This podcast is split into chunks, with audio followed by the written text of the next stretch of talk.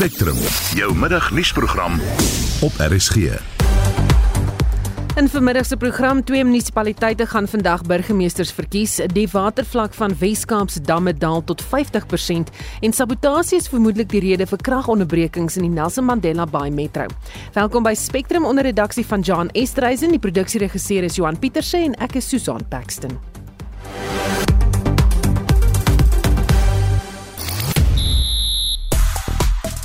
Rugby Wêreldbeker sonder bokkaptein Siya Kolisi, dit is wat SA Rugby tans in die gesig staar. Suid-Afrika wil weer eens gasheer wees vir 'n sokker Wêreldbeker, hierdie keer die dames toernooi in 2027 en Tony De Zorzi sal 'n SA A-span begelei na Sri Lanka waar Proteas van die toekoms hoop om te skitter. 'n Volledige bulletin volg net na 12:30. Sudan is wêreldwyd een van die gewildste gonswoorde wat op die oomblik gedeel word. Dit volg na die 72 uur skietstilstand waarop daar ooreengekom is. Talle lande ontruim tans hul burgers uit die geweldgetuisterde land. 'n Foto is onder die hits geplaas van die 21-jarige mediese student Noon Ibrahim haar familie en haar mopsond Mario wat veilig in Egipte aangekom het na 'n 2 dag lange reis per bus wat hulle 5000 dollar uit die sak gejaag het.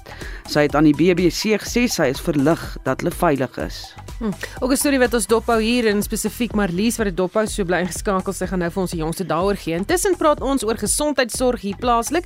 In die Oos-Kaap het ons byvoorbeeld gesien hoe beerkragdienste belemmer of daar's 'n tekort aan noodsaaklike medisyne omdat die verskaffers nie betaal word nie. In ander gevalle word pasiënte weggewys of op 'n waglys geplaas omdat operasies nie uitgevoer kan word nie. Wat is jou ervaring met die openbare gesondheidsdiens? Is dit dalk goed? Vertel ons daarvan as jy aan ander ervaring gehad het, vertel ons ook daarvan. Stuur 'n SMS na 45889 teen R1.50 per boodskap. Jy kan ook saampraat op die Monitor en Spectrum Facebook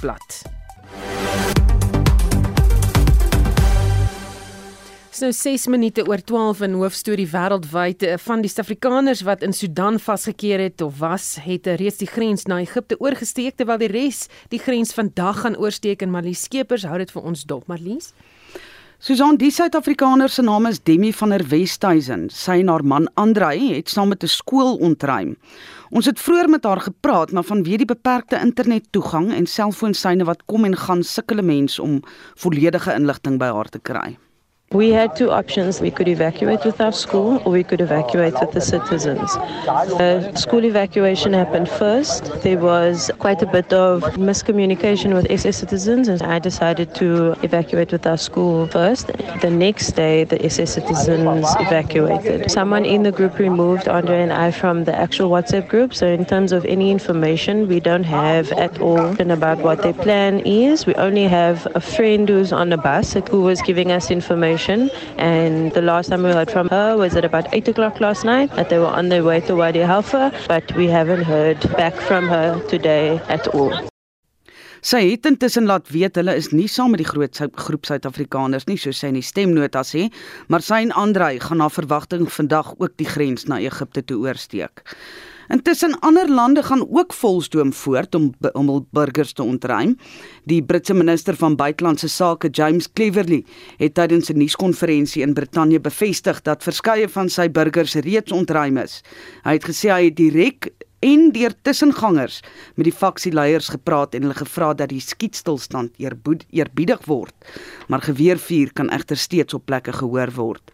Intussen sê streeks woordvoerder vir die Rooi Kruis, Aljana Seneko, Sudanse burgers het hul skuilings verlaat in 'n poging om kos, water en medikasie te bekom. For us, uh, any kind of truth in hostilities is better than nothing. So, right now, we're working with our colleagues from Sudanese Red Crescent Society, trying to get in touch, which is extremely difficult because the phone lines uh, have been down, the internet is not working. The most urgent priority is to get medical supplies and to try to help hospitals to restore water and electricity for them to be able to provide treatment to the wounded people. En dit was die streeks woordvoerder van die Rooi Kruis, Aliona Senenko. Dit was ons verslaggewer Malie Skeepers wat daardie storie vir ons dophou. Terug op eie bodem, die sekretaris-generaal van die ANC, Fikile Mbalula sê vuur moet met vuur geveg word in die stryd teen misdaad in die land. Dis een van die uitkomste van die ANC se nasionale uitvoerende komitee vergadering wat die afgelope naweek gehou is. Die ANC het ook oor die konflik tussen Rusland en Oekraïne gepraat. Mbalula sê die ANC het ook verskeie noodplanne wat hy gaan voorlê om die kragkrisis in die land stop te sit. The ANC discussed the current electricity crisis and agreed on a number of measures to resolve the crisis. Uh, this being introduction of urgent interventions to mitigate against the projected winter surge in electricity demand, improvement in the performance of ESCOM installed fleet, including the exploitation of picking plants that should be supported and closely monitored. Mbalula sê die misdaadprobleem in die land verg ook dringend aandag. We have encouraged that the same approach that was employed to deal with the shutdown must be rolled out in the fight against crime in South Africa. If it means soldiers must be deployed, that should happen. If it means that Ama Perete must be deployed and strengthened to fight tactical a battle on the ground from the police side in terms of the violent crimes the police must do that Mbalula sê die drie party alliansie se verhouding sal weer hernie word sodat die alliansie steeds sterk kan staan in die komende verkiesing. Alliance partners have been able to agree on fundamental strategies and tactical positions. Whilst retaining their separate identities. The National Executive Committee noted that the form and content of the alliance has evolved in the past nine decades. The NEC reaffirmed its commitment to the renewal of the ANC, South African Communist Party, and COSATU, in line with core values and principles of the alliance. The NEC also committed to a common program of action that addresses our societal challenges and help to advance and defend the gains of democracy and freedom.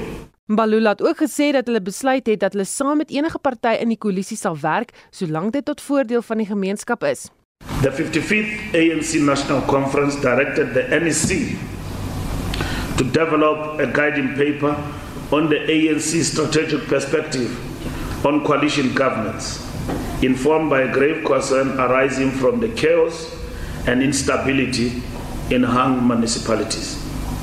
Based on the overall vision and core values of the ANC and the strategy and tactics of the National Democratic Revolution, the NEC adopted the following principles, which are intended to stabilize and strengthen municipalities affected by coalitions.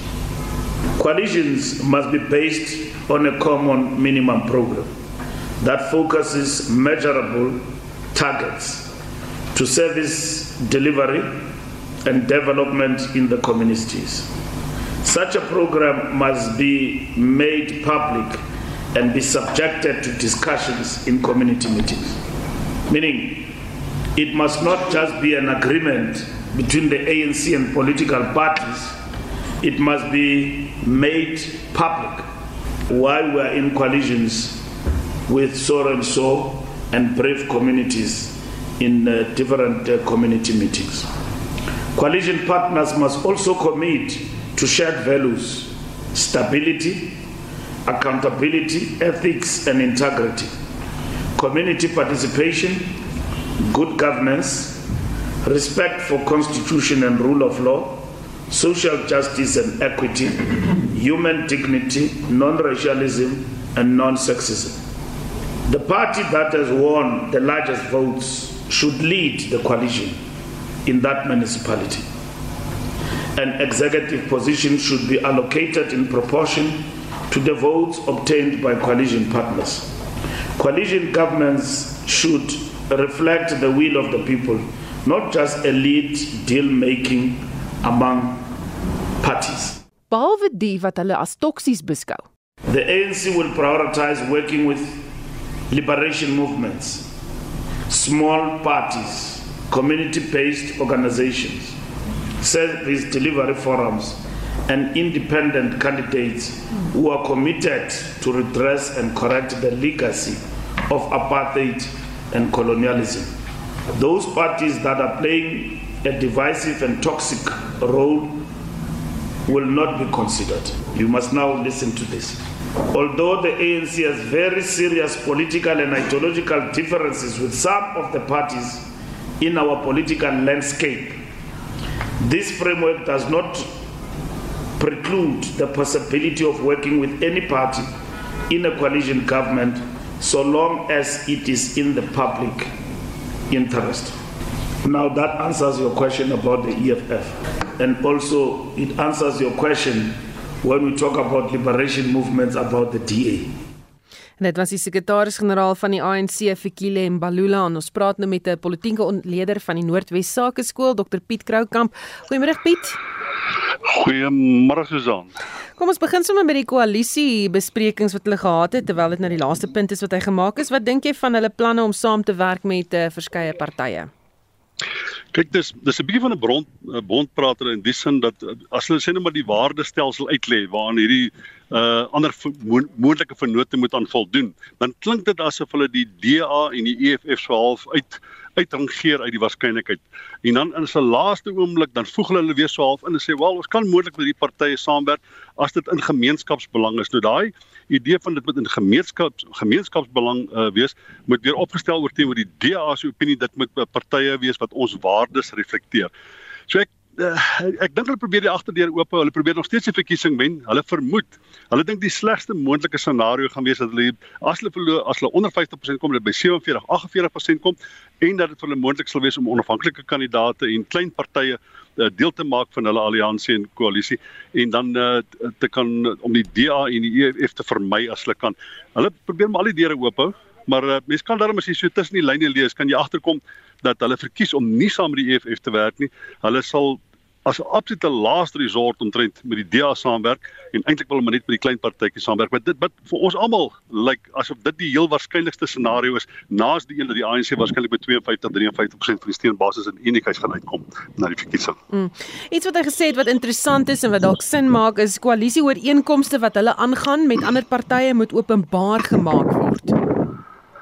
Ja, dit hang nou af of jy voor die tyd op openbaar wil maak of na die tyd. Nou, ek dink hulle probeer om voor die tyd bepaalde ooreenkomste aangaan, maar dit het nie noodwendig met die nasionale verkiesing te doen nie. Dit het meer te doen met sê net maar in provinsiale verkiesing wat hulle weet uh, in Gauteng en KwaZulu-Natal vermoed hulle kan daai twee provinsies dalk verloor. So dit maak onthou net na 'n verkiesing dat jy 2 weke, dan moet jy jou onderhandeling afgehandel en jy moet met jou voorstel op die tafel kom. Ek dink hulle besef daai twee provinsies kan hulle uh, gaan gaan gaan hulle in die moeilikheid wees en dit maak sin om nou reeds te praat met kleiner partye soos wat die DA doen met die met die met die Inkatha Vryheidsparty of die IFP. Hulle probeer voor die tyd reeds ooreenkomste aan aan die gang sit daar omdat daai 2 weke te kort is om werklike alternatief te te, beredeneer met mekaar. Dan was daar ook kragplanne op die tafel geplaas. Wat dink jy van dit? Piet, is jy daar? Hallo Piet. Ons het mekaar nou verloor. Ek weet nie of jy terug is nie. Daar sê ek kan nou vir jou hoor. Ehm okay. um, sê yes. vir my die kragplanne wat hulle op die tafel uh, geplaas het. Wat dink jy daarvan?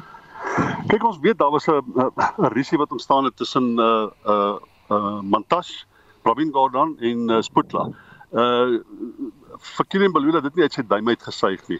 Dit word oor die boeg gegooi dat dit bloot regstegniese probleme is. Met ander woorde, waar stop die uh statutêre verpligtinge van van die een minister vis-à-vis die ander een en op so 'n manier moet hulle dan nou uh, deur middel van 'n regspraktyk uh, uh jurisdiksie onderhandel vir Spoetla se se se minister van elektrisiteit. Ehm uh, maar die feit bestaan is dit dit gaan dit, dit dis nou al wat hoeveel maande is Spoetla nou al daar? En dit is onwaarskynlik dat hierdie goed afgehandel gaan word binne die volgende 3 maande.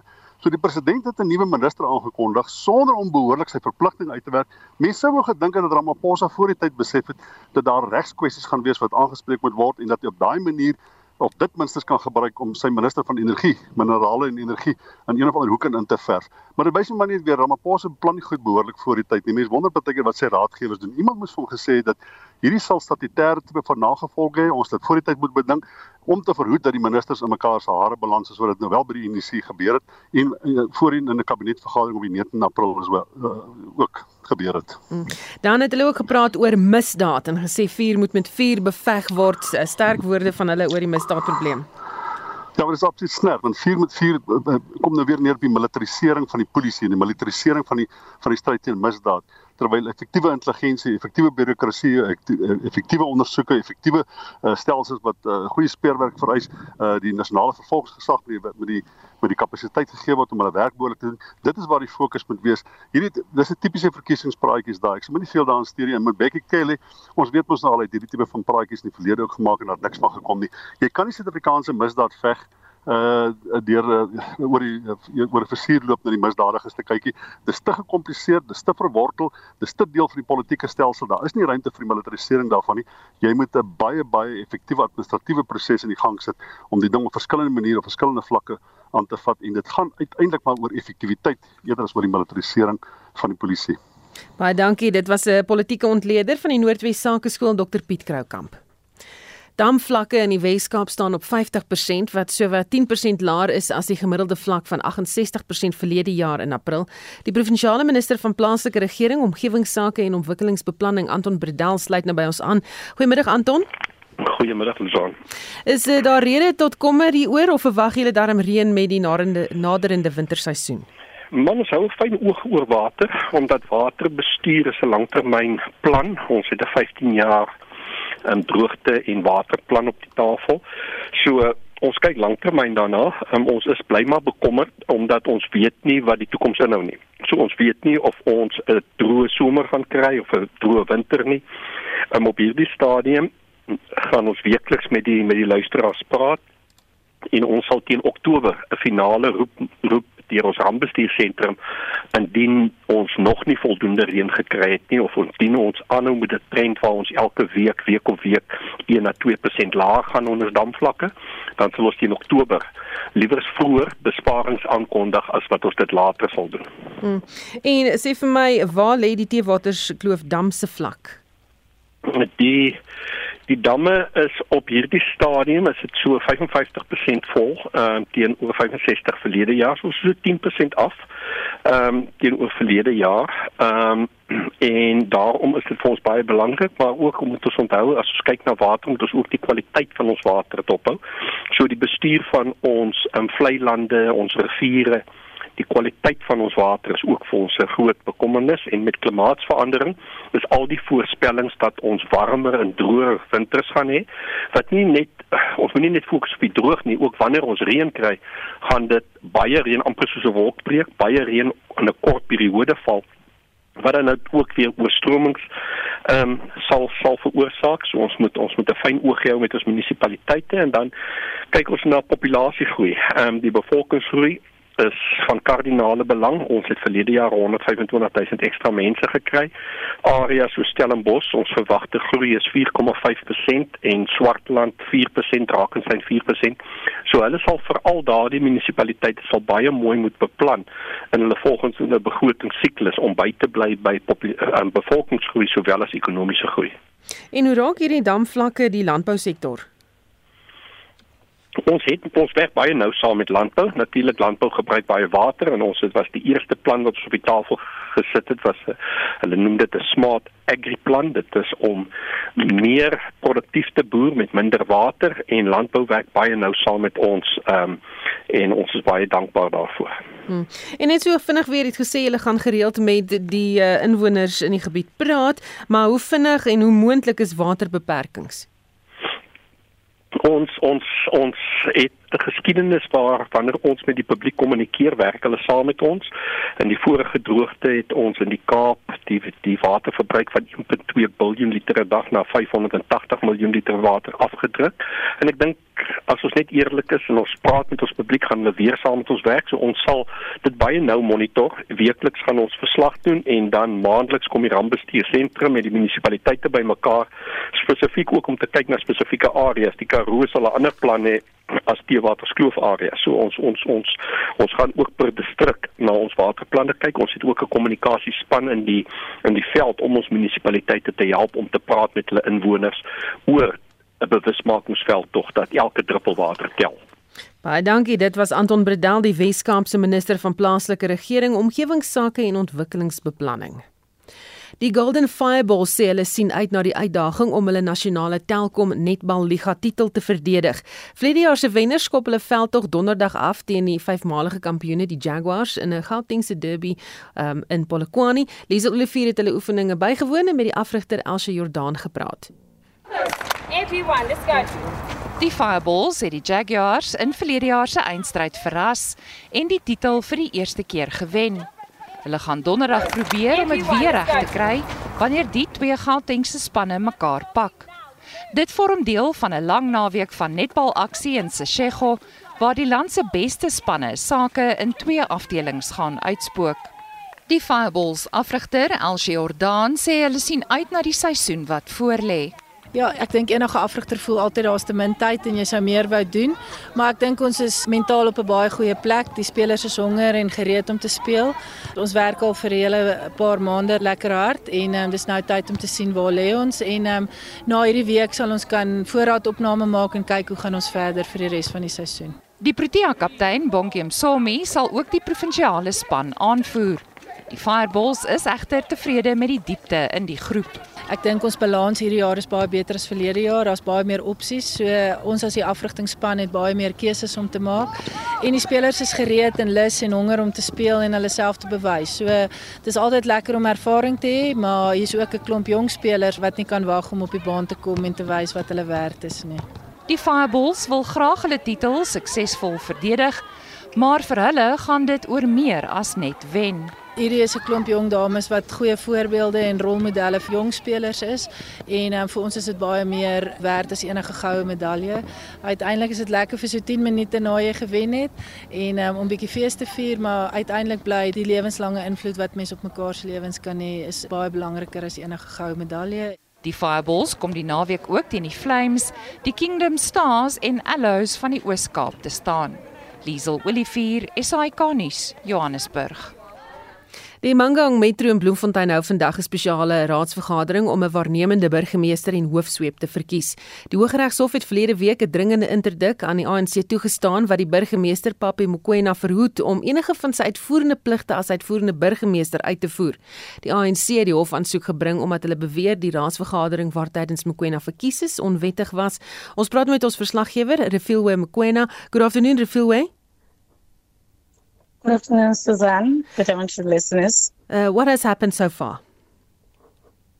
Um, unfortunately, the election of the acting mayor hasn't started yet. Um, currently, what I can say is that the, there's a caucus, there's a closed session where the councillors and the speaker are busy discussing the contracts of senior positions, including that of the acting city manager. So everyone is outside except councillors and the speaker, of which they're busy caucusing that. I must indicate earlier on, though, as well, before the meeting could start, um, the opposition, the DA and the EFF asked for um, for a caucus to go and, dis- and, and, discuss one of the items that is on the agenda, of which when they came back, they indicated that they don't see the need for the item of the chief whip to be part of their today's agenda because they feel the courts um, when they made a ruling, it was based on the mayor position and not the chief whip. However, it was the back and forth where it was debated with the ANC of which they feel when they interdicted that meeting on the 14th of April, that meeting included also the election of the chief whip. So I, I believe it's going to be a long day. Um, we're still waiting outside. We'll probably be called in, and hopefully then the first item of um, of the agenda will start. Suzanne. Baie dankie. Ons gepraat met ons verslaggewer in Bloemfontein, Refilwe Mkwena. Jy luister na Spectrum. Elke weekmiddag tussen 12 en 1. Hm, vir die hooftrekke lees net dalk 'n regstelling is Refilwe Mkua, nie Mkwena nie, dis die die burgemeester. Nou later in die program die ANC sê steenkoolkragstasies se lewensduurtes moet verleng word om die kragkrisis te verbeter. Ons praat met 'n kenner oor die voorstel. En die Vryheidsfront Plus stel 'n plan bekend om die ekonomie te herstel. Bly ingeskakel. Daar is geen verkeer. Daar sy Gauteng op die N1 Noord op die N3 Noord net na die Elandswisselaar was 'n ongeluk waarin verskeie voertuie betrokke is. Die middelste baan word geraak en die verkeersvloei is baie stadig. KwaZulu-Natal op die N3 Wes by die Marketweg afrit staan 'n voertuig wat die afrit self versper. Op die N3 Oos net na die Klifdale wisselaar staan 'n vragmotor wat die linkerbaan versper. Weskaap Kaapstad op die N2 inwaarts net voor die M5 aansluiting was 'n ongeluk en die linkerbaan word geraak. Ek is Marlie Skeepers en dit was die middagverkeersverslag op Spectrum.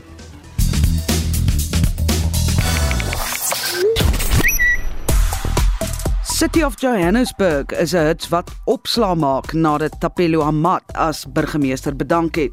Dit gaan ons veral omdat hy tydens sy bedankingstoespraak beklemtoon het wat se goeie werk die stad gedoen het om beerdkrag aan te spreek. Ons praat oor uh, mediese sorg en wat jou ervaring is in die staatsdienssektor en iemand wat sê dat ehm um, Die personeel by ons munisipale kliniek doen hulle bes, maar hulle het net twee tipes medisyne, die not available en die out of stock tipes. Dis Konrad Prinses van die Wesrand, hy's 'n prinses in die Wesrand wat vir ons dit laat weet het. En dan op Facebook sê Beryl Turner pateties, ek het 'n nare ondervinding in Januarie by 'n bekende hospitaal in die Wes-Kaap gehad waar ek amper my dogter verloor het, net 'n e-pos gekry waar die hoof van die afdeling om verskoning gevra het. En dan Stefan van Heerden wat sê die administrasie, die verpleegpersoneel, die nasorg is vrot en instandhouding dink wat is dit? Daar is geen trots, geen respek, inteendeel dit is 'n nes. Is uh, van almal se gesprekke wat hulle het oor hierdie mediese gesondheidsorg wat hulle ervaar in die staatsdiens. Jy kan steeds saamgesels op ons SMS-lyn of op die Monitor Spectrum Facebook-blad. Udo Karls is sluit by ons aan vir die jongste sportnuus. Goeiemiddag Udo. Middag Susan. Ons begin met rugby want die moontlikheid dat die Bokke sonder Sia Kolisi na die Wêreldbeker toernooi toe gaan is groot. Ja, dit raak eintlik bietjie van 'n gewoonte want kaptein Kolisi het net voor die 2019 rugby wêreldbeker ook 'n knie beseer, maar hierdie keer blyk dit meer ernstig. Nou Suid-Afrika of SA Rugby sê tans nog niks, maar 'n bron het aan die nuusagentskap AFP bevestig dat Kolisi vandag weer 'n spesialis gaan sien.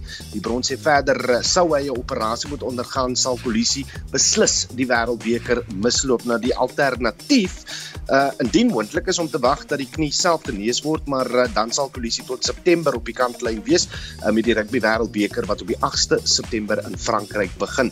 Sy vrou Rachel het intussen in 'n plasing op Instagram gevra dat die Suid-Afrikaners vir 'n wonderwerk moet bid en uh, seker ook te herinner dat hulle altevore so 'n wonderwerk waargeneem het, uh, 'n verwysing na die besering net voor die wêreldbeker in Japan in 2019. Hmm.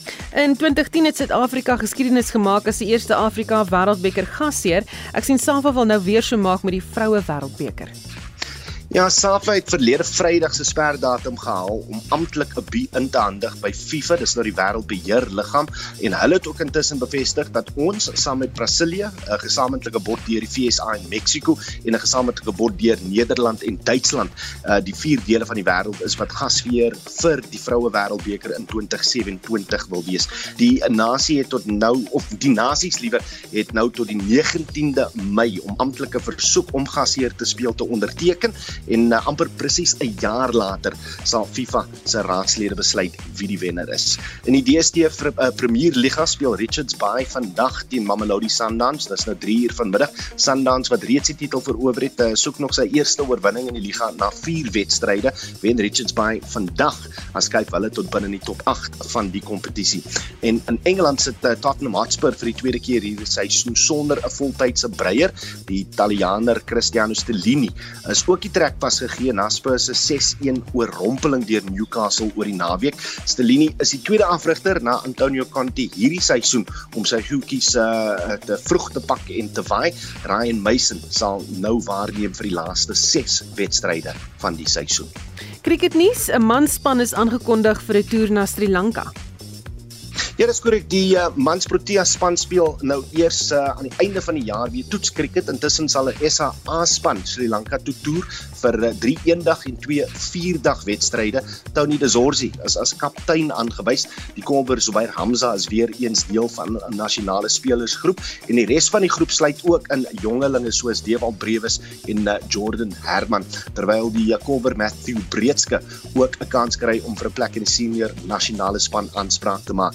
In die enigste toetswed toetswedstryd wat aan die gang is, uh, was Ierland en Gaul in Sri Lanka almal uit op 'n dag 2. Dis nou vandag vir 492 lopies met honderdtalle wat deur Paul Sterling en Johannesburg gebore Curtis Camper aangeteken is. As ek net kyk na die telkaart, lyk dit Sri Lanka uh op die oomblik 53 sonder die verlies van 'n paadjie Nishan Mudushanka op 31 nie uit nie. Die Moef Karunaratne, hy is die kaptein van Sri Lanka, hy's op 23 nie uit nie. En net om my af te sluit, die IPL uh, vandag weer aan die gang. Uh, vandag speel die Gujarat Titans teen die Mumbai Indians. Die wedstryd begin omstreeks 4 uur vanmiddag. Baie dankie. Dit was Udo Karelse van ons sportredaksie. 25 minute voor 1 jy luister na Spectrum. Die Vryheidsfront Plus sê omdat die ekonomie verval het onder die ANC regering, is daar 'n dringende werkbare plan nodig om die ekonomie te herstel. Die Vryheidsfront Plus is ook van mening dat die ANC as regerende party binnekort uit die kussings gelig sal word en dan moet die plan reeds gereed wees om te red wat te redde is. Die plan is gister bekend gemaak en ons praat nou met die leier van die Vryheidsfront Plus, Dr Pieter Groenewald. Goeiemôre Pieter. Goeiemôre Susan. Voor ons kyk na julle planne, julle het eers gaan kyk na die redes vir die ekonomiese agteruitgange onder die ANC regering. Wat het julle navorsing gevind? Ja, jy is heeltemal korrek en wat ons gedoen het, ons het onafhanklike persone gekry. Ek kan maar sê of Janie Rousseau is 'n welbekende ekonom en uh, dit hy's gereeld in die media. So wat die Vryheidsfront Plus gedoen het is ons het gehad het daar moet 'n onafhanklike studie gedoen word sodat daar nie gesê word dit is net polities ideologies gedrewe nie. En natuurlik is daar 'n hele aantal aspekte geïdentifiseer. En onder andere uit hierdie navorsing het dit ook na vore gekom dat daar 'n sekere aspekte wat polities aangespreek moet word en dan is daar aspekte wat uitgevoer kan word wat die ekonomie sal kan stimuleer. En ek dink ek kan die baie kan ek dalk in vyf hoofpunte saamvat en wat baie duidelik daar uitgekom het en wat ons ook, toe gevind het in lyn is met die ekonomiese beleid van die Vryheidsfront Plus. Want onthou ons het lankal 'n ekonomiese beleid maar dit het daarbey aangepas. Die eerste ding gaan oor swart ekonomiese bemagtiging. En dit sê baie duidelik dat swart ekonomiese bemagtiging moet eintlik beëindig word en is die voorstel dat dit vervang moet word en dit moet vaardigheidsgedrewe word So die Vryheidsfront plus sê en ek as ek die swart uh ekonomiese bemagtiging die afkorting SEB gebruik en ek gebruik die Engelse nuwe benadering van die Vryheidsfront plus dan praat ek eintlik van BES Black Economic Skills Transfer of swart ekonomiese vaardigheidsoordrag. Die tweede een sê ons die regulasies wat die ekonomie en die ekonomiese aktiwiteite streng moet hersien word ons sê privatiseer die staatsentiteite soos die Suid-Afrikaanse Lugdiens en Eskom. Die vierde een is vir gemaklik die vestiging van nuwe sakeondernemings en dan die vyfde een is sê ons daar moet beleidsekerheid van die regering se kant af gevestig word. Nou hm. sê, kan die uh, ekonomie nog herstel word volgens julle? Hy kan altyd herstel word as die regte stappe geneem word. die Vryheidsfront Plus het ook na hierdie studie het ons dit baie duidelik gestel. Dit gaan nie maklik wees nie. Want die ANC regering het die ekonomie werklik in die grond in bestuur. Ons uh, kan maar net gaan kyk na die statistiek as ons gaan kyk byvoorbeeld na werkloosheidssyfers wat ons ook wel gesien het is dat daar is minder mense wat werksaam is of wat 'n werk het teenoor byvoorbeeld in 2019.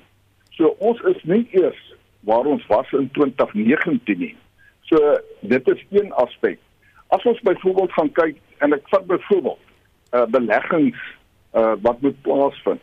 Die groot ontstellende aspek is ons is baie geneig om te praat van buitelandse beleggings wat na Suid-Afrika toe moet kom om die ekonomie te stimuleer en werksgeleenthede te skep, maar hierdie studie wys ook uit dat plaaslike besighede is huiwerig om verder kan ons amper sê die uh, uitbreidings daar te stel want as hulle uitbreidings daar stel en eintlik belê in hulle eie besighede dan gaan daar ook meer werksgeleenthede geskep word maar al hierdie faktore dra daartoe by dat ons eie mense ons eie beleggings nie eers plaasvind om werksgeleenthede te skep nie.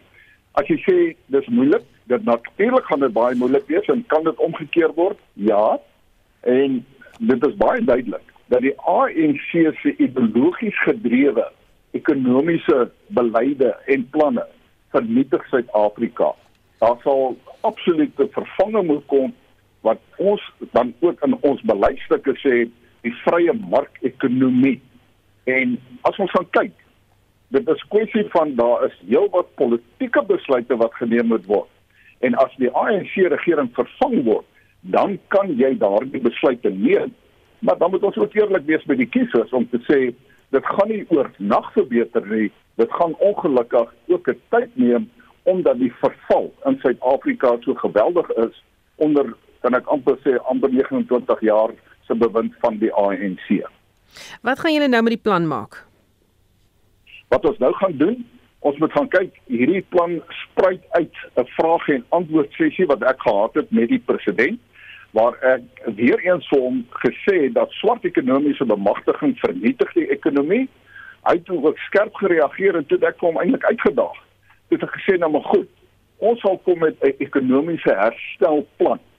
Uh en dis hoekom ons ook dan na die onafhanklike navorsing toe gegaan het. So ek gaan nou hierdie plan gaan ek dan nou aan die president oorhandig. Ek wil dit nie net vir sy kantoor stuur nie.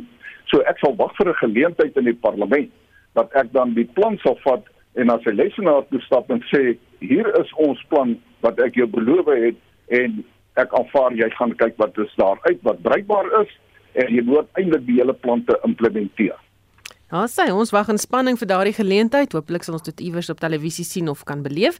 Baie dankie. Dit was die leier van die Vryheidsfront Plus, Dr Pieter Groenewald. Die nasionale uitvoerende komitee van die ANC het onder meer die voorstel gemaak dat die steenkoolkragstasies se lewensduurtes verleng moet word om die kragkrisis te verbeter. Die ANC het vroeër gesê dat Eskom se probleme en sodoende die land se kragprobleme teen die einde van die jaar opgelos sal wees. Die minister van elektrisiteit, Gosienso Ramagopa, het egter toe die afgelope naweek gesê dit sal nie gebeur nie. Hy het verder gesê dat die ANC besluit het op 'n 2-punt noodplan om die kragkrisis nou te verlig. Die eerste gedeelte behels dat die regering 30 miljard rand begroot vir diesel om krag mee op te wek en die tweede gedeelte hou verband met die dringende herstel van kragstasies wat konstant probleme gee soos met Dupi en Kusile. Ons praat met Han Vosloo, 'n voormalige senior bestuurder in Eskom se transmissie afdeling. Goeiemôre Hein. Goeiemôre Susan. So wat is die kanse om die kragkrisis op te los deur hierdie kragstasies se lewensduurtes te verleng? Wel, kom ons kyk uh, net gou-gou wat is die uh, uh uh situasie met Medupi en Kusile. Daar's natuurlik ernstige ontwerpfoute in die stoomketels wat nie reggemaak kan word nie. Daar is egter planne om die stadige verbrandings effens hok te slaan, want dit lewer nie die ontwerp uitset nie, maar so wat 80% daarvan. En dan is daar natuurlik die be beroemde of berugte eenheid 4 van Medupi wat in die ontploffing uh ver vernietig is. Uh dis baie stadige prosesse, groot vertragings met versekeringseise en ek sien daar is ook nou sprake van 'n tweedehandse opwekker wat in Holland gekoop word. Daai goed weeg oor die 550 ton. So ek dink uh in die kort termyn is Medupi en Kusile uh weet ek nie of ons by die einde van die jaar al gaan kry nie, maar kom ek sê kom ons gee hom die die voordeel van die twyfel. As ons gaan kyk na ander kragstasies, ons weet die onderhoud is agterweë gelaat, daar's 'n tekort aan ervaring, daar's korrupsie en sabotasie en dan's daar die swak steenkool wat die stoomkeel stoomketels en die meeles uh, beskadig het. En vir die baie ou stasies is daar onverkrygbare voordele. So my gevoel is dat uh, jy weet die hernubare krag is net vir ons op hierdie stadium 'n gedeeltelike oplossing want nie almal kan dit bekostig nie. Ons groot industriële gebruikers is dit nie haalbaar nie en veral instansies in die stede het hulle nie plek om groot sonplase of op te hef nie. So ek dink ons is verbind tot hernubare kragopwekking, maar ek dink in hierdie stadium moet ons tog vra wat is in die beste belang van die land? Hernubare opwekking sal nie vir ons 'n korttermyn 'n uh, 'n uh, volledige oplossing kan bied nie. Daar's die probleme met die met die uh uh kraglyne wat wat baie lank vat. Uh so ek dink amper uh, dit klink vir my na 'n idee om die uh kragstasie so lank as moontlik aan die gang te hou. Uh ek dink net dat ons eerste prioriteit is uh Suid-Afrika en nie en nie die die uh, groen agenda nie. Alhoewel ek sê ons is verbind tot uh, hernubare krag. Dan is daar sprake daarvan dat die so sonpanele en ander toerusting wat huishoudingsgebruike probleme op die kragnetwerk veroorsaak. Ja, daar is uh, ouens wat sê en party van hulle is nogal hoog aangeskrewe mense die jongs aangestelde professor van Noordwes Universiteit, ek vergeet sy naam, wat sê dat daar is uh, die die uh, uh omsetters die inverters veroorsaak harmonieke uh, uh harmoniese steurings op die op die krag uh, uh stelsel wat selfs uh, die transformators kan kan beskadig. En dan as 'n mens vir Eskom vra sal hulle vir jou sê uh as 'n uh, beerdkrag sessie verby is, dan is die aanvraag op elektrisiteit so groot van die mense wat hulle batterye nou laai met die Eskom krag dat dit die, uh, tussen 1 en 1 en 'n half fases van die beerdkrag beloop. So dis ook nie uh, sonder sy sy probleme nie. Maar ons moet onthou dat ek en jy wat uh, kan dalk bekostig om vir ons 'n sonpaneelstelsel op ons op ons dak te sit, maar daar's baie van ons uh, bevolking wat dit nie kan bekostig nie. Hmm, so dis nie 'n oplossing vir almal nie. Uh alhoewel hernubare nee. krag moet gebeur volgens ons verbintenis die Parys-ooreenkoms en so, uh, kan ons dit bloot net nie doen nie. Nee, ek dink ek dink ons moet dit doen. Ons ons moet uiteindelik daar daarna toe gaan. Uh, Daar's nou nie 'n kwessie daaroor nie. Uh maar ons moet op hierdie stadium sê wat is die prioriteit in Suid-Afrika? Ons het nou net vir Dr. Groenewald ook gehoor die belangrikheid van die van die ekonomie. Ons land het versendbare basisvrag nodig vir groot nywerhede en dan ook vir 'n groot deel van ons van ons bevolking. So ek ek dink ons moet miskien net vir 'n oomblik stil staan en sê kom ons kyk wat is die realiteite. Kom ons gaan kyk of ons uh nie uh van die steenkoolkragstasies aan die gang kan kry nie. En my persoonlike vo uh, voorstel is natuurlik daar's baie nuwe waterstoftegnologie wat ons redelik vinnig kan uitrol. Vinniger is wat die groot kragstasies uh kan uitrol. En uh moet daarna kyk. Mm. Jy praat nou van hierdie waterstof. Ehm um, wat is die voorstel daar? Hoekom is dit soveel vinniger? Wel die die voorstel is dat jy 'n eenheid by 'n kragstasie met 'n paar klein modulêre eenhede vervang. Nou daai klein modulêre eenhede gee vir jou 'n paar voorbeelde. Jy kan hulle vinnig uitrol. Die toerusting is nie so groot en swaar nie en dit gee vir jou geweldige uh flexib flexib jou flexibility uh in die bedryf van 'n kragstasie. Kom ons sê jy het een een uh eenheid van 'n kragstasie, ou eenheid wat jy met uh 8 kleiner krag uh, eenhede vervang. Nou daai kleiner krageenhede kan jy in 'n kort tyd aan die gang sit. Jy kan hulle vinnig oprig en dit kan vir jou baie goeie beheer gee oor die oor die kragstasie. En daar's nou twee stasies in die wêreld wat uh, wat dit begin gebruik. Die een is in Bulgarië en die ander een is verstaan ek is nou onlangs aangeteken in uh in Griekeland. So, maar hierdie is baie nuwe goed en dan moet ek ook vir jou sê Eskom is is 'n bietjie katvoet om met sulke nuwe tegnologie te begin werk, maar ek dink ek dink ons situasie is so dat ons moet daarna gaan kyk. Baie dankie. Dit was Han Vosloo, voormalige senior bestuurder in Eskom se tra transmissie afdeling. Die sangeniet word aangebied deur Renier van Sail portefeuljebestuurder by Efficient Private Clients. Goeiemiddag Renier. Goeiemiddag Suzan en ook aan almal wat inluister. As ons vandag kyk en ons kyk na die plaaslike markte, sien ons die alle aandele indeks volg daardie Asiëse markte laer van vroeër vandag ons gesien het die markte in Hong Kong het in die rooi gesluit. Nou die alle aandele indeks op die oomblik is so 0.2% laer vir die dag. So kyk maar die grootste aandele ons mark wat die beurs laer trek is African Rainbow Minerals laer met so 4.8% op die oomblik en Impala Platinum is laer met 4.6% so duidelik daardie kommoditeitsaandele wat bietjie swaar op ons beurs weeg. Aan die ander kant van die muntstuk is Clicks op met 3.8% en ons sien Quote is op met 2%. Hulle het vroeër aangekondig dat hulle 'n toename in hulle bates onder bestuur gesien het dit is natuurlik ook 'n resultaat van die uh, opwaartse beweging in die markte die afgelope ruk. Dan as ons kyk wat die rand gedoen het van vanoggend se vlakke, het hy so klein bietjie verswak. Hy staan teen 18.27 teen die dollar, 22.80 teen die pond en dan so 20.15 teen die euro. Nou as ons kyk na ons kommoditeite, verhandel die prys van goud klein bietjie laer op 1983 dollars per fyn ons. Ons sien dat die prys van Brent ruolie is 'n 0.6% laer op 82 dollars 25 per vatjie Brent. En die Amerikaanse markte het basies gister aan plat gesluit, maar sien meeste Europese markte verhandel op die oomblik in die rooi. Dis my storie vir vandag en julle met 'n baie lekker dag verder.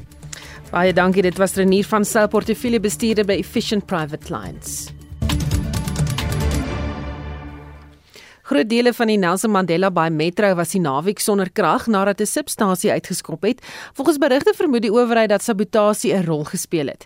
Owerhede het ook inligting ontvang dat sommige munisipale amptenare die stad tot stilstand wil ruk. Ons praat met die burgemeester van die Nelson Mandela Bay Metro, Retief Odendaal. Goeiemiddag Retief. Goeiemiddag en goeiemiddag luisteraars. Dit is wonderlik om weer by julle te kuier. Is daar steeds gebiede in die metro wat nie krag het nie? Nee, ons het dit daarom reg gekry om meeste van ons gebiede aan die gang te kry en daar is maar net enkele gebiede uh, of enkele huishoudings wat hier en daar nog uit is en dit is maar as gevolg van normale ehm um, uh, onderhoudswerk, maar uh, die dele wat oor die naweek um, uitgewees is, is, is almal weer reggestel. En dit was natuurlik vir ons 'n groot bron van kommer, um, want ons wil nie hê dat interne munisipale probleme dienslewering uh, moet uh, affekteer nie. Dink jy daai interne striwelinge het hierdie uh, tot gevolg gehad? Ja, absoluut. Ehm um, kyk ons het verlede week sewe ehm um, personeellede ehm um, uh, het ons um, op uh, 'n suspension geplaas. Ehm um, kan ek nou nie op 'n mooi Afrikaans kom nie. Uh, dis nadat ons 'n uh, uh, inligting ontvang het dat daar grootskaalse korrupsie is in die uh, departement van elektrisiteit. Ons het 'n uh, interne ondersoek geloods en uh, um, ons het seker uh, die grootskaalse bedrog wat ons nog ooit uh, ontbloot het, het ons uh, op afgekom en ons het dadelik uh, vir die Hawks en die uh, die Falke en die SIU uh, gekry om 'n kriminele ondersoek te loods en dis waar ons heidaglik is. Ehm um, daar is ongelukkig uh, baie van ons amptenare wat ongelukkig is oor die proses, uh, maar die die ehm um, die ondersoek is nou buite ons hande. Dit is oorgelaat aan die owerhede en uh um, en ons ons hoop dat die intimidasie wat wat uh, kom van sekere oorde in daai departement sal binnekort stop. Baie dankie. Dit was die burgemeester van die Nelson Mandela Bay Metro Retief Odendaal. Sowat 100 stappers het 'n uitmergelende staptog van 166 km voltooi ten bate van droogte getuisterde landbougemeenskappe in die Noord-Kaap. Die stappers het aan die RSG Rette Plaas Camino deelgeneem en oor 8 dae van Holliston na Verneekpan gestap. Byna 1 miljoen rand is tot dusver vir boere ingesamel en Reginald Witboy berig. Die stappers was elke oggend vroeg uit die vere om die dag se reis aan te pak. Maar voor dan stente en bagasie op vragmotors gelei. Jonk en oud het deelgeneem aan die goeie gebaar om fondse vir die boerderygemeenskappe in te samel. Eerstens is ek hier vir die boere te stap wat vir die droogte hier om te sien hoe erg hierdie jare van droogte vir hulle getref het en alles en ook 'n mate om myself te bewys vir alles wat hier maak elke pyn elke trap wat jy gee is selfe wat die boere deurmaak. Ek voel baie goed dat ek dit kon voel van die begin tot die eind kon stap. Met dink my ouderdom tel al 'n bietjie teen my en dit is 'n 8 dae stap elke dag 20 plus kilometer. So dit was my groot uitdaging. Maar ek moet vir jou sê dit was regtig moeilik. Ek het blaase gekry waar ek nog nooit blaase gekry het nie. En ek het net gedink 'n mens kan ook nou nie daaroor gly nie want hierdie mense kry swaar en vir dit moet ons ook 'n bietjie swaar kry. Die stap tog 'n geestelike reis en selfkastyding wat fisies veel eisend is, soos Andre Rose verduidelik. En die pad was swaar geweest, weet die terrein is swaar. Dit het nie lekker gevoel aan die begin nie, maar nou voel ek ek voel sterk. Ek voel asof ek sommer nuwe mense is, gedeeltes van myself jy weet gaan vind wat ek nie eens geweet het daar bestaan nie en ek voel sterk en ek voel goed oor hierdie Camino. Maar dit was werkers soos Ernest van Rooyen en David De Wee wat die pelgrimstog vir die stappers draaglik gemaak het. Hulle was verantwoordelik vir die logistieke reëlings. Nou, ons stap amper 200 km 'n dag binne in die kamp om alles in plek te kry as die mense inkom kamp toe. Dit is bagasie, dit is toilette, restorte en alles moet in plek wees en dit kan ook nie te ver van mense se wonings af wees nie, dit moet redelik naby wees. Dis nou die tweede jaar wat ek in die bedryf is, maar ek het nog nie so 'n groot groep gedoen nie, maar ek het nogal uitgesien na die groot groep. So ek is met nou meeste op die pad om die toilette uit te sit vir die stappers. En uh, as ek so aankom en, en die stappers kom so aan, dan kyk ek hulle maar so tydjie stap hulle my bietjie vinnig. En baie keer stap te stadig. Die stappers het daagliks uitgesien na die eerste behoorlike maaltyd van die dag om die vlees te versterk en krag op te bou vir die volgende dag se tog. Baie het volhard totdat hulle die wenstreep gesien en die RSG Retteplaas Camino oorwin het. Regional Witboy Isaika Nis vir Neekpan in die Noord-Kaap. Die strydende militêre funksies in Sudan het uh, ooreengekom op 'n 72 uur skietstilstand wat om middernag in werking getree het en ST het vir ons meer inligting hieroor en ander stories van die dag. Ja, Susan, die FSA se minister van buitelandse sake, Anthony Blinken, sê die skietstilstand volg na intense onderhandelinge die afgelope 2 dae. Ja, twee vorige pogings tot humanitêre skietstilstande het egter misluk. Die minister van internasionale betrekkinge en samewerking, Naledi Pandor, sê die Suid-Afrikaners wat in Sudan gestrand was, het die grens oorgesteek en is veilig in Egipte. Die regering het aangedui dat sowat 77 Suid-Afrikaners in Sudan gestrand was, insluitend die personeel van die Suid-Afrikaanse ambassade. Demi van der Westhuizen is 'n Suid-Afrikaner wat saam met haar skool ontruim het en sy sal binnekort in Egipte aankom. We had two options. We could evacuate with our school or we could evacuate with the citizens.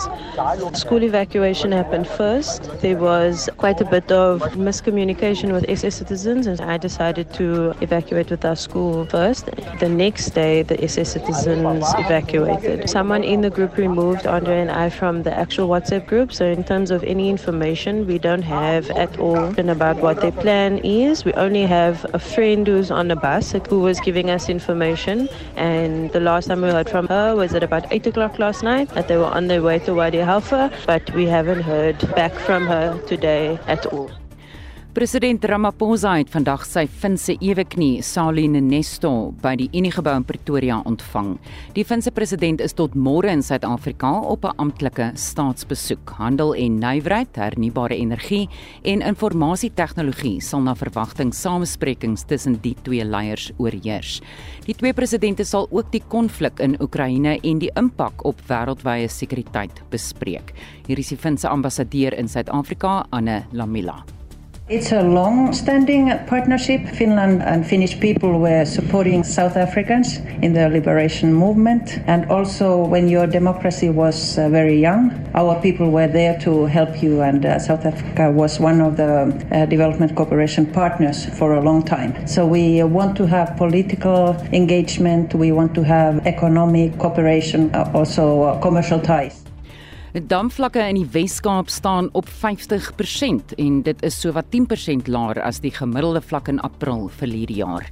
Hier is die provinsiale minister van plaaslike regering, omgewingsake en ontwikkelingsbeplanning, Anton Berdel.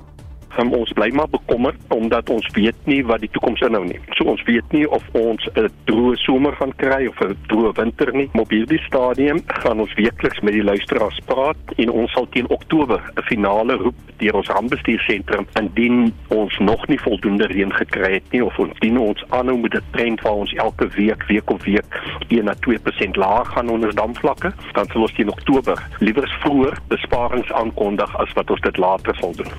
Dit daar's gons nie uit of gons nuus eerder uit Hollywood oor die Friends akteur Matthew Perry wat die rol van Chandler Bing vertolk het. Is reg Susan Perry het in sy outobiografie getiteld Friends, Lovers and the Big Terrible Thing wat verlede jaar gepubliseer is verwys na sy dekadelange stryd met dwelmmisbruik en verslawing. Maar hy het ook verwys na die akteur River Phoenix wat in 1993 aan 'n oordosis kokaine dood is en hy maak dan 'n snydende verwysing na die akteur Keanu Reeves. Hy skryf in sy boek Why is it that the original thinkers like River Phoenix and Heath Ledger die but Keanu Reeves still walks among us? Perry sê hy het sommer net Reeves se naam uit die lug gegryp en dit was 'n dom ding om te doen.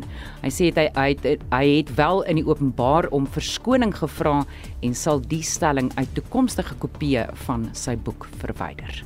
Baie dankie dis Estie wat vir ons 'n opsomming van die nuus van die dag het. Ons groet namens ons uitvoerende regisseur Nicoline de Wee, die redakteur John Estreys en die produksieregisseur Johan Pieterse. Ek is Susan Paxton. Geniet jou middag in die geselskap van RSG.